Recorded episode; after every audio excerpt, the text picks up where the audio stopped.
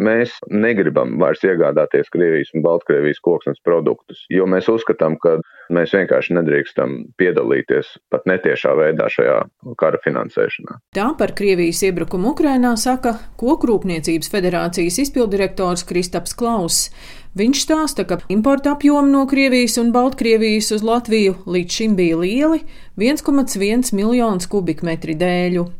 Ja mēs raugamies uz Baltijas valstīm kopumā, tad uh, izēvielu iegāde no Baltkrievijas, Krievijas bija ļoti nozīmīga. Kopumā mēs visi trīs Baltijas valsts iegādājāmies šajās valstīs 3 miljonu kubikmetru skujkoku dēļu. Mēs iegādājāmies diezgan lielu apjomu arī MDF, kas ir vajadzīgs uh, mēbeļu rūpniecībai, iegādājāmies skujkoku aplāksni, kas ir vajadzīgs tā skaitā būvniecībai un citus koksnes izēvielu produktus. Kompensē to apjomu un to konkrēto produktu veidu, ko mēs pamatā pirkām Krievijā, Baltkrievijā, īsti es neredzu kādu citu valstu, kur mēs to varam izdarīt.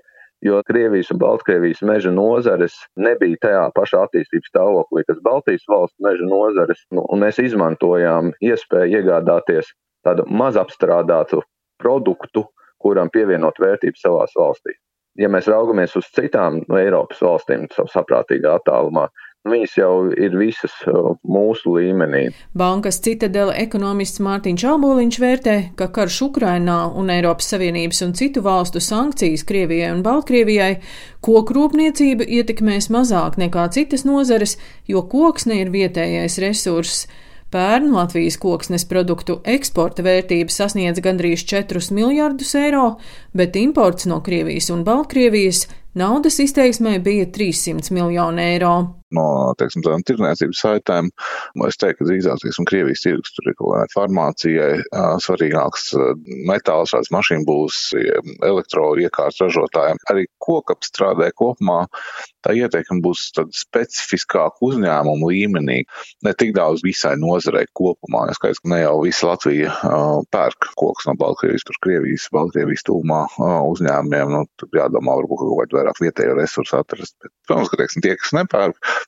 Viņi varbūt atkal sajūt to, ka lielā konkurence par vietējo resursu attiecīgi tas kļūst dārgāks, bet, eh, teiksim, no nozara viedokļa kokrūpniecība nebūs tā, kas visvairāk sajūtīs. Tomēr nozara pamatā ir balstīta vietējos resursos, tāpēc eh, šeit nebūtu tāda runa, ka eh, kokasrādes nozara ir atkarīga no, no Krievijas, Baltkrievijas kokiem. Kā arī ietekmi, protams, teiksim, mēs pagaidām vairāk jūtam caur inflāciju un visvairāk, teiksim, degvielas cenas ir, ir primārās. Eiropas tirgos dabasgāzes cenas ir, nu, gandrīz 10 desmit reizes augstāks nekā tās bija teiksim, pēdējos piecos gados. Nu, un, protams, teiksim, um, ir vietas, kur arī Rīgā, tā skaitā, teiksim, līdz pat pusē varētu apkurināt uh, ar, ar vietējiem resursiem, ar šķeldu pamatā. Kokrūpniecības federācijas izpildu direktors Kristaps Klauss vērtē, ka kokapstrādes nozarē cenas celsies un būs arī jāpārskata jau iepriekš noslēgtie līgumi. Nav jau tik vienkārši pateikt, tagad, piemēram, tam britu klientam, ko strādājis, es divus desmit gadus, teikt, piedod, mēs tev vairs neko nepiegādāsim, jo tas ir nepieciešams mūsu pašu valstu tālāk apstrādē. Nevelti iegādājās šajā Krievijā vai Baltkrievijā to izēvielu, jo viņa bija lētāka. Nemaz nerunājot, kad uh, viss pārējais arī kļūst vaiprātīgi dārgāks. Man liekas, nevienam nav jāstāsta, kas notiek šobrīd benzīna tankos ar benzīnu un, un dīzeļdegvielas cenām. Un jāatzīmē, ka mums jau ir uh, vēl riska priekšā.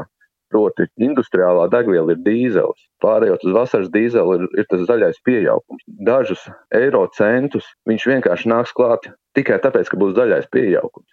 Un tas arī ir jāieceno visā šajā plūsmā. Ja mēs to nemācīsim atrast, kā to iecenot, meža īpašniekam būs bailes, zāģētava gribēs viņu pirkt, bet nebūs pa vidu, kas viņu pārvedā. Bet tas nenozīmē, ka mēs žēlojamies vai mēs uzskatām, ka uh, Latvijai būtu jāveido kaut kādas īpašas attiecības ar Krieviju un Baltkrieviju, lai tikai ekonomiski mums būtu mazāk zaudējumi. Tieši otrādi - nē. Šī cena mums ir jāmaksā. Ukrainas neatkarība ir svarīga. Mums ir svarīgs miers šajā reģionā, un viss tās neētības, tie izaicinājumi, kas mums ir, tas ir pupu mizas pret to, ko mēs varam zaudēt, ja mēs attiecīgi nerīkosimies un nebūsim solidāri ar Ukrainu. Eiropas Savienības un citu valstu sankcijas pret Krieviju un Baltkrieviju nenoliedzami ietekmēs arī citas ekonomikas nozares. Daina Zalamane, Latvijas radio.